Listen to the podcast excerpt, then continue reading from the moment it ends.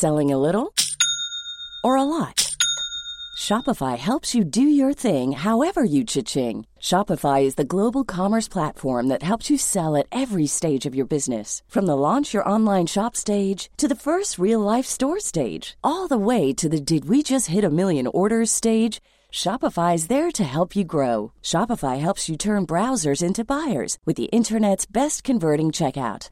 36% better on average compared to other leading commerce platforms because businesses that grow grow with Shopify. Get a $1 per month trial period at shopify.com/work. shopify.com/work. Hey, it's Ryan Reynolds and I'm here with Keith, co-star of my upcoming film If, only in theaters May 17th. Do you want to tell people the big news?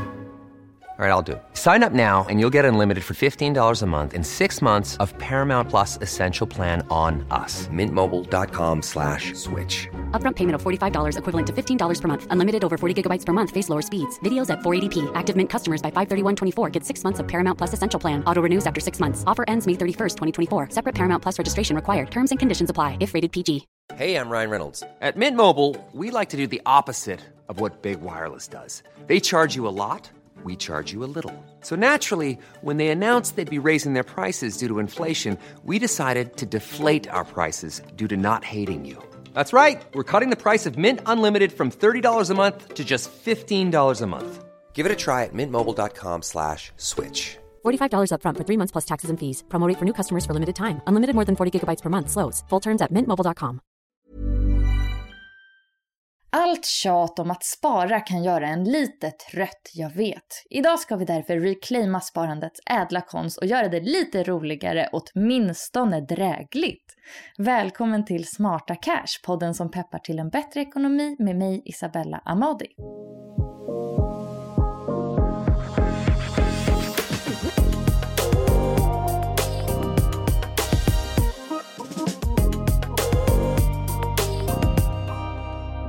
Jag är så glad att meddela att jag har en alldeles förträfflig gäst med mig idag. Claudia Wörman är boendeekonom på SBAB och en fena på både bostad och sparande. Välkommen Claudia! Tack så mycket Isabella. Det är roligt att vara här. Jättekul att ha dig här.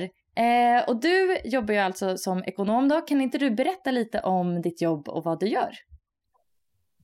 Ja, men som boendeekonom på SBAB, först kan man väl tillägga att eh, jag har jobbat i den här branschen, om man pratar om eh, fastighetsbranschen, eh, så har jag jobbat i den i väldigt många år.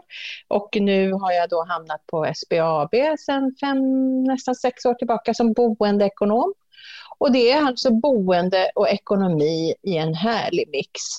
Jag pratar eh, gärna med media, Eh, och jag pratar även med eh, andra intressenter i paneldiskussioner och så vidare. Så det är väldigt mycket fokus på sparande och boende. Ja, alltså boende berör ju oss alla. Vi måste ju bo någonstans och dyrt som sjutton kan det vara också.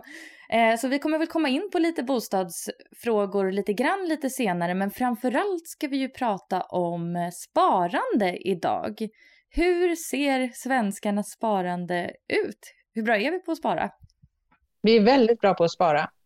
Eh, Statistiska centralbyrån de gör ju varje kvartal en mätning på nysparande. Och, ja, hur, hur, hur mår det svenska sparandet? Och senast de gjorde den, eh, fjärde kvartalet i fjol, så var det faktiskt rekord, all time high, eh, i hur mycket vi sparar. Och vi sparar på konto, vi sparar i fonder och vi sparar i aktier.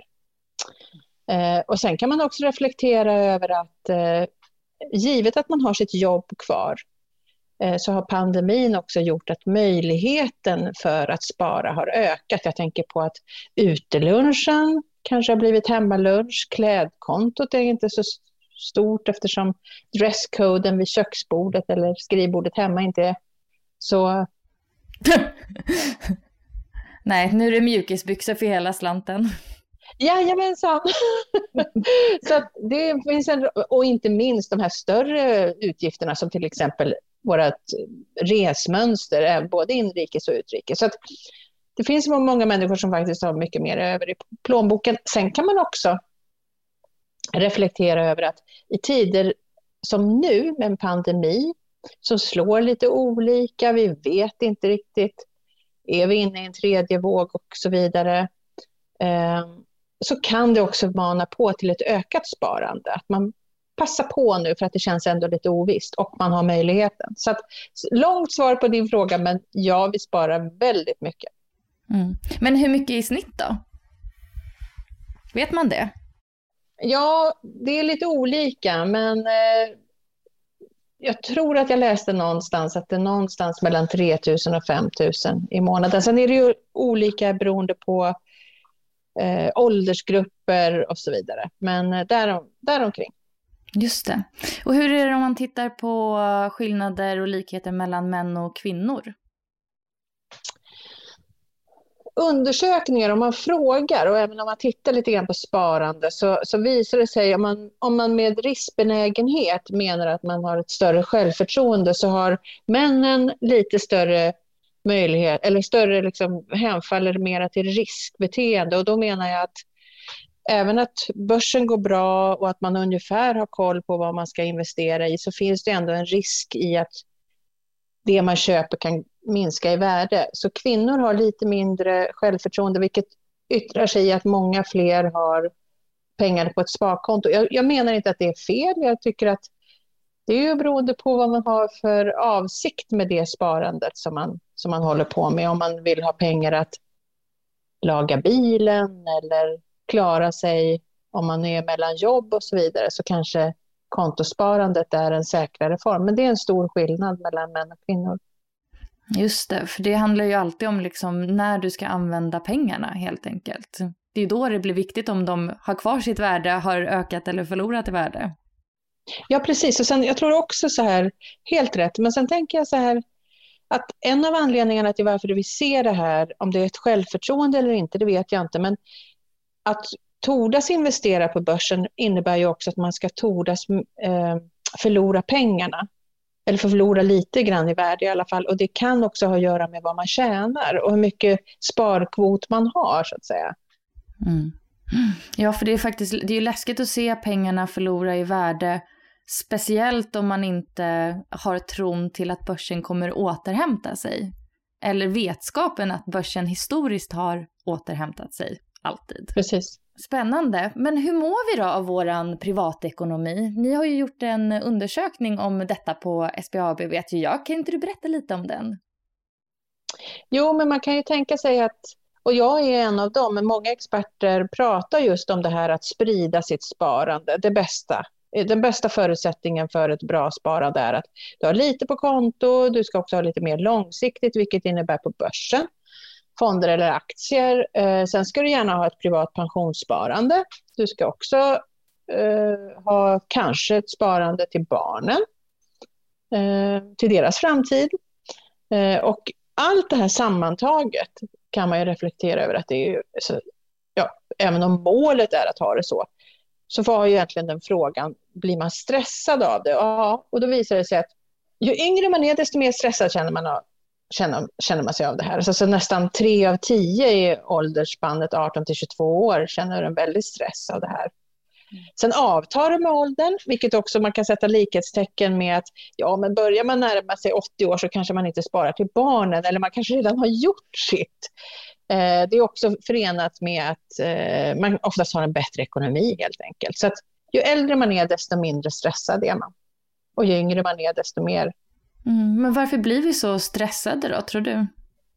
Det är lite grann... Eh, jag tycker att det kan vara våra, om jag tilltalar mig också som expert, att det kan vara vi, vårat fel. Att i syfte att undervisa och så, eh, så kan det faktiskt bli så att den som har väldigt lite sparutrymme känner sig så stressad att han eller hon vet inte var hon ska börja.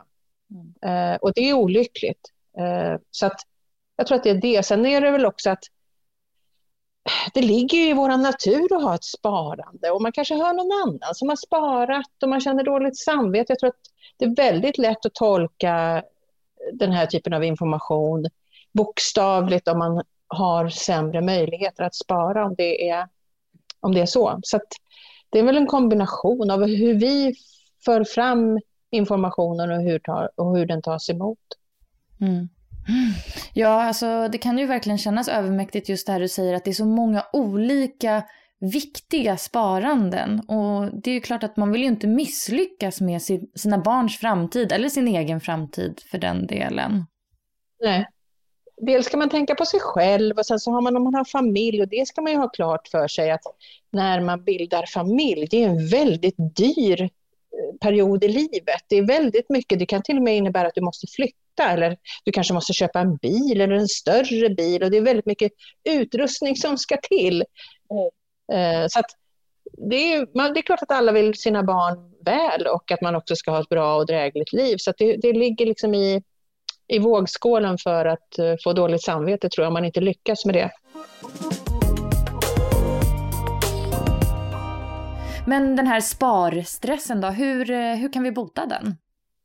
Jag tror att en, en första början är ju att, jag var inne på det lite grann, att råden är ju väldigt generella, men sen hur de tolkas är ju ganska individuellt. Men att, att så sätta sig ner, och kanske det kan vara målet att ha den här spridda sparkvoten, lite på konto, lite på aktier och fonder och så vidare. Och sen ha lite till, till barnen. Men att det kan få vara målet, men är det inte så nu så är det ingen katastrof. Då tycker jag att man kan likna det vid att sätta sig på flyget och eh, sätta på sig den här ansiktsmasken om det blir dåligt lufttryck. Sätt på dig din egen mask, slash se till att du klarar den här vardagsekonomin först. Och sekundärt blir, får du möjlighet, ja men då får du spara då. Men ha inte dåligt samvete för att du just nu inte kan spara, utan en bra intention är ju att ha som plan att kunna spara lite senare. Men och vi pratar också ofta om att skaffa dig koll på ekonomin och jag tror faktiskt de allra flesta har det. Men man kan ju bli ganska immun mot mycket av informationen om man vet exakt på kronan när. Vad är min smärtgräns? Vad behöver jag göra för att uppnå en annan nivå? Men, så att man ska ha full koll på sin egen ekonomi. Vad kommer in och vad går ut? Mm. Ja, för så är det ju. Alltså, de flesta av oss kanske inte känner att man är värsta liksom, Lyxfällan-caset, men man vet fortfarande att det slösas en del och att man säkert kan göra lite smartare val. Så om man då vill vara smart med sitt sparande, eh, hur lägger man upp det? Jag tycker så här, om, om, man, om jag riktar mig till de som inte har något sparande alls, så tycker jag att börja i den änden. Vad kommer in, vad går ut? Det kan ju faktiskt vara så att eh, ni har två olika abonnemang, eller samma typ av abonnemang i en parrelation om ni nyligen har flyttat ihop. Jag menar, kolla det.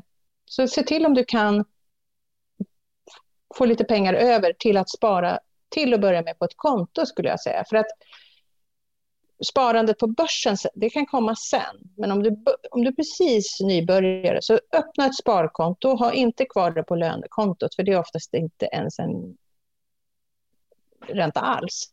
Så se till att du öppnar ett sparkonto och sen har du en plan för att när jag når det här, du kanske vill jobba mot ett speciellt mål.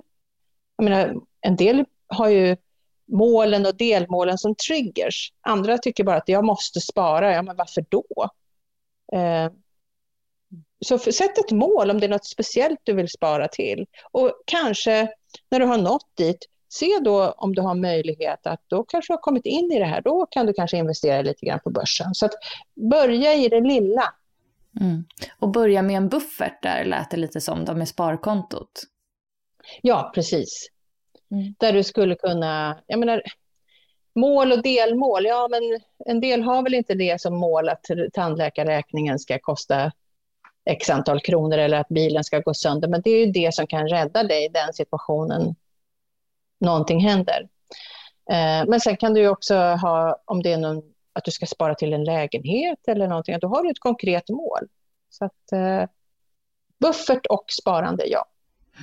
Hur stor ska en buffert vara? Därom tvistade lärde. Men räkna ut vad du har för månadsutgifter. Eh, så ha liksom en, en plan för att, säga att någonting skulle hända eh, och du skulle kunna klara det kanske på till en till två månader.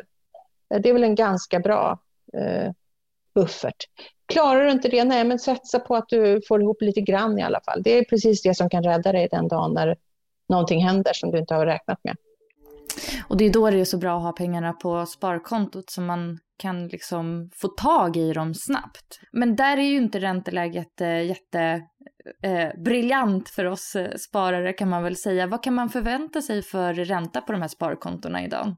Ja, alltså 0,5, 0,75 det är väldigt, väldigt låg ränta. Men det är bättre än ingenting. Och det som man också ska tänka sig är ju att eh, man ska ha skaffat sparkonto med fria uttag och eh, eh insättningsgaranti.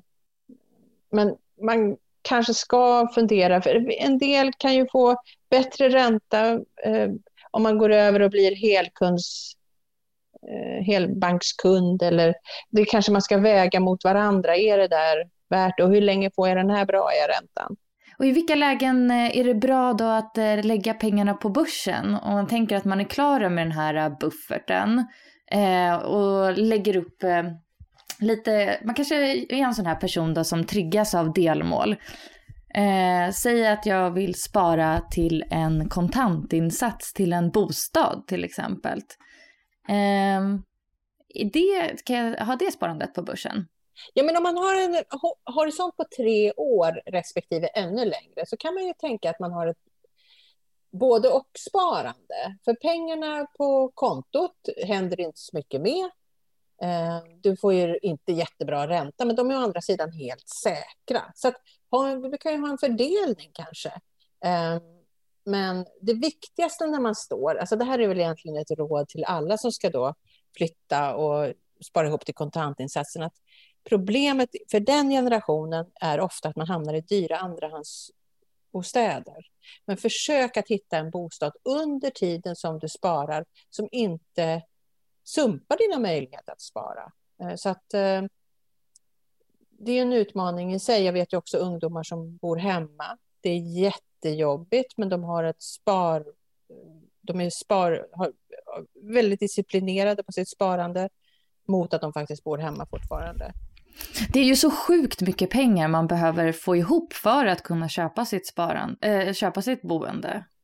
Ja, visst. I storstadsregionerna, ja. Så att, är många, vi har ju också ställt frågan tidigare att det är mycket mer vanligt idag att man behöver hjälp från föräldrar. Och det kan ju vara så att man när man väl kommer till banken och betalar sin kontantinsats eller man köper sin bostad och betalar sin kontantinsats, då vet vi inte var kontantinsatsen kommer ifrån, utan den kan ju vara hjälp eh, från föräldrar och släktingar. Men ett sätt som faktiskt skulle kunna underlätta, eh, det är ju att man tänker sig att man ska flytta hemifrån om tre år. Man bor fortfarande hemma. Man undviker de här allra dyraste andrahandsbostäderna. Man disciplinerat sparar. Sen kanske man intresserar sig för en eh, nyproduktion. Då är plötsligt kontantinsatsen uppdelad på olika eh, situationer, alltså, eller delmål. Ja, först betalar du kanske 20 000 i någon form av eh, Eh, bokningsavgift och sen så kommer nästa på 50 000 och så vidare. Så det kan faktiskt vara lösningen för en del unga. Eh, andra personer, som till exempel de som separerar, har ju väldigt svårt att vänta i tre år eller ett och ett halvt år på att flytta in. Men för den som vill flytta hemifrån så kan det vara en, en möjlighet. Mm. Eller som jag själv, jag bor i hyresrätt. Men om jag skulle vilja köpa, jag måste ju spara ihop ganska mycket med två barn och man och då kanske man vill köpa en tre eller fyra. Jag bor i Stockholm. Det blir ju typ, jag vet inte, fem miljoner, 15 procent i kontantinsats på det ska man spara ihop till då. Alltså det är ju nästan en miljon. Hur, alltså, hur lyckas folk? Hur lyckas man med att spara ihop de här jättesummorna om man inte kan få hjälp av någon annan? Jag tror att om man verkligen tittar på det, nu kan vi ju inte, eftersom det blir ju problem i statistiken eftersom vi inte vet i vilken utsträckning människor får hjälp. Men om vi tar, det kan finnas att man flyttar hemifrån senare, att man etablerar sig på bostadsmarknaden senare. Av alla nu, säg att du får hjälp, ja då ser vi ju inte det. Då kommer du ju hemifrån när du är 25, 30 eller så. Men det kan ju också vara så att det blir en konsekvens, att människor etablerar sig på den ägda marknaden senare. Eh, det kan också bli så att, eh, jag vet för väldigt länge sedan, 2010, så var jag en av flera när kravet på kontantinsats kom, precis som vi diskuterar nu. Eh, när det kom så trodde jag att ettor skulle sjunka i värde, för, eller sjunka i pris, för att gruppen unga skulle få problem. Men det blev ju inte så, för att de som annars skulle ha köpt en tvåa, trea hade ännu mindre möjlighet att göra det, så de köpte en etta istället. Så att jag tror att mycket av det här är Alltså det är höljt i dunkel hur det blir, men det här kan ju vara en konsekvens av att vi nu med stigande priser, vi ser att fler väljer att flytta längre ut. Ja, är det så konstigt då? För att det är där man har råd att köpa sin eh, bostad, som är ert exempel. Mm, verkligen. Det behöver inte eh, vara nödvändigtvis de yngre menar jag. Nej, precis, utan man kan ju faktiskt vara ganska så vuxen som jag också. Kanske inte helt vuxen. jag vet inte. Eh, men när, eh... Nej, det blir man väl aldrig. Nej, eller hur? Eh, men när det gäller amortering då, eh, hur ser du på det? Eh, ser du det som ett sparande? Ja, det är klart att eh, du betalar tillbaka en skuld, men det är inget frivilligt sparande det hjälper ju föga den dagen någonting, som vi, jag menar, någonting händer som du behöver pengar. Det spelar ingen roll hur mycket du har amorterat. Så egentligen skulle jag inte säga att det är ett sparande, mer än att det är jättebra att betala tillbaka det man är skyldig, men, eh, och att det kan bli positivt den dagen man ska flytta för att man har insett att man har amorterat ner. Men det bästa vore ju att man har både amortering och eh, möjlighet att både amortera och att ha ett litet buffertsparande. Eh, Okej, okay, men kan man räkna med att ens bostadsköp alltid kommer vara en bra investering? Alltså om man med en bra investering att man ska köpa billigare och sälja jättemycket dyrare en kort tid efteråt, nej det tror jag inte. Men om man ser eh, eh, bostadsköpet som en investering, att här kommer jag att trivas, här, det här känns bra att bo, jag kommer ha många bra år här. Då är det en bra investering. Men jag tror, inte, jag tror att det är fel att gå in i en bostadsaffär och tänka att man ska maximera vinsten. Jag tänkte fråga lite mer om det här med hur man kan eh, spara utifrån lite olika livssituationer. Om man är en barnfamilj till exempel, hur ska man tänka med sparandet då? Vilka liksom eh, poster är viktigast? Alltså jag kan tänka så här att när man är i en barnfamiljssituation eh, då är man ju oftast, eh, eh, om man inte har hunnit separera då, men det blir en annan situation. Men om vi säger så här att man är i en barnfamiljssituation så tycker jag att i första hand så ska man se till att eh, vardagen fungerar. Att man har ett helt vanligt traditionellt sparkonto. Eh, och sen så kan man också vart efter man kanske får högre lön eller lägre omkostnader så kan man också fundera på att spara kanske till barnen, men då i sitt eget namn. Och varför det är viktigt, det är för att eh, om man inte sparar i eget namn så säger barnet tack för det här sparandet som egentligen skulle ha gått till en bostad, men nu vill jag hitta mig själv i ett meditationskurs här som är för tre månader någonstans. Eller så, då har man ju liksom ingen inverkan. Och jag vet flera, det är liksom i min närhet. Nej, men vad blev det? Blev det en lägenhet? Nej, nej, det, nej. Hon, hon brände allt på något annat som stackars mamman och pappan surt har liksom sparat. Så det är något medskick. Alltså det är mardrömmen. så spara eget namn. Ja. Eh, och sen tycker jag så här också att det är viktigt att göra en avstämning i par. Alltså hur ser det ut nu? Och det tycker jag att man kan göra lite vartefter. För om vi tar ett exempel att man blir ett par när båda pluggar eh, och man har en uppdelning i ekonomin givet de förutsättningar som är ganska lika.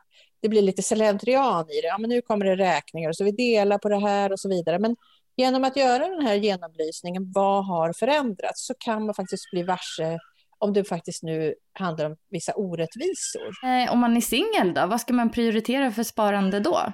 Det är, liksom, det är väldigt individuellt. Så att gå till dig själv. Vad vill du göra? Sätt en plan för de närmaste åren. Och spara efter egen förmåga. Eh, så att fördelen med att vara singel är ju att du har bara dina egna ansvar, alltså ditt eget ansvar. Du behöver inte jämka någonting, utan sätt det som du tycker är viktigt. och spara därefter. Först på konto och sen eh, på börsen. Om man sitter i en tuffare ekonomisk sits då, typ eh, kanske har en väldigt låg inkomst eller till och med arbetslös, hur kan man tänka då? Förhoppningsvis så har man, ett, har man en visst, ett visst understöd. Alltså att man kan ha a-kassa, eh, Försäkringskassan kanske om man är sjukskriven, man kanske till och med har en inkomstförsäkring. Men också sådär, vad kan du påverka i den här situationen som har uppstått nu? Finns det någonting som du kan eh, prioritera bort? Finns det någonting som kan underlätta den här situationen? Eh, och så var lite brutal, alltså funkar det inte och du börjar få riktigt problematiskt, ja då kanske du ska se över vad är det som kostar mycket för mig och då får du väl sälja bilen eller flytta till en billigare bostad. Ja, det är tuffa beslut, verkligen. Och jag tror att det är många som skjuter på det beslutet och det gör man väl kanske för att eh, det är så känsloladdat. Men jag tror att man ska rätt så tidigt räkna på hur länge pallar jag den här situationen och, och sen också räkna på hur det skulle underlättas av att antingen hitta ett billigare boende i den mån man kan det, eller sälja bilen eller byta ner sig eller någonting sånt.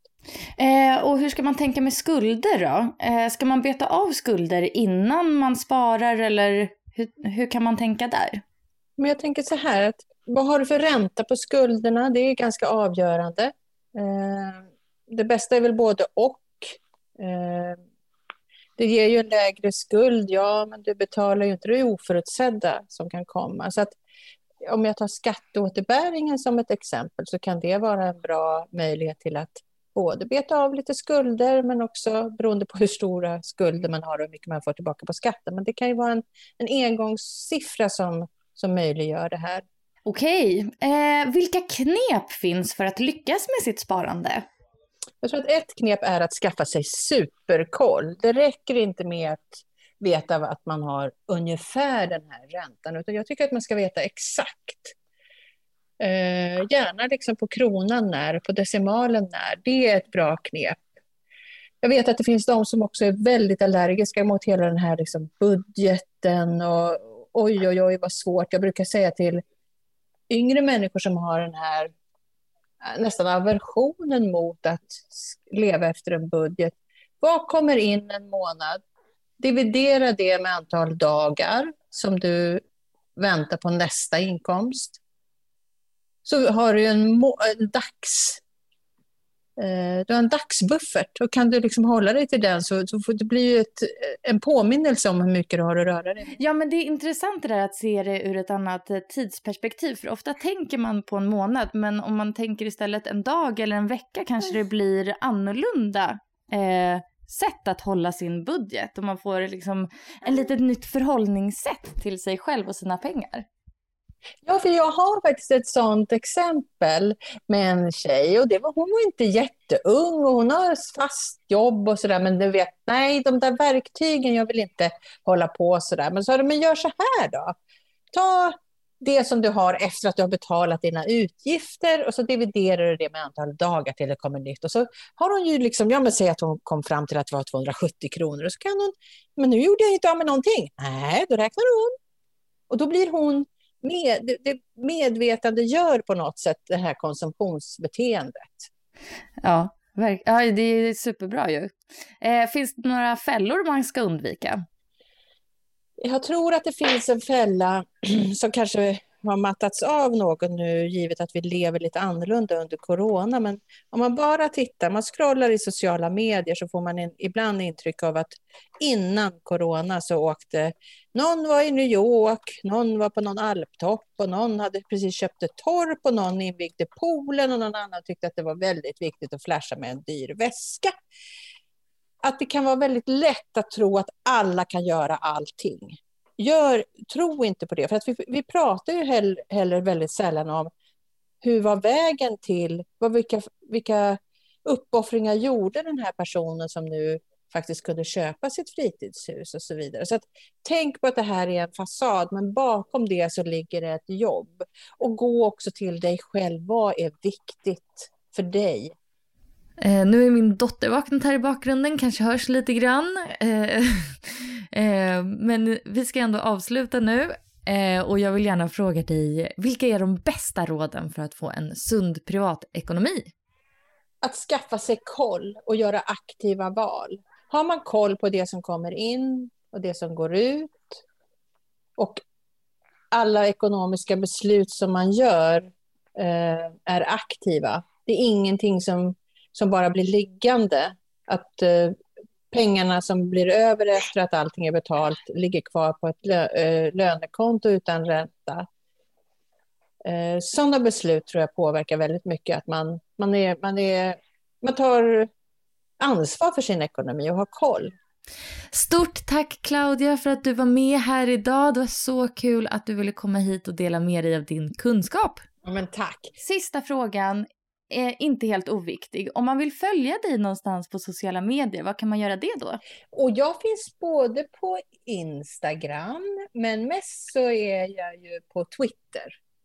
Eh, så, och sen har ju även SBAB en blogg, eh, så den kan man också hitta. Eh, där skriver jag mera, ja, men jag skrev lite resonerande texter om, om bostadsmarknaden och ekonomi. Härligt! Och stort tack till dig som har lyssnat också. Hej då!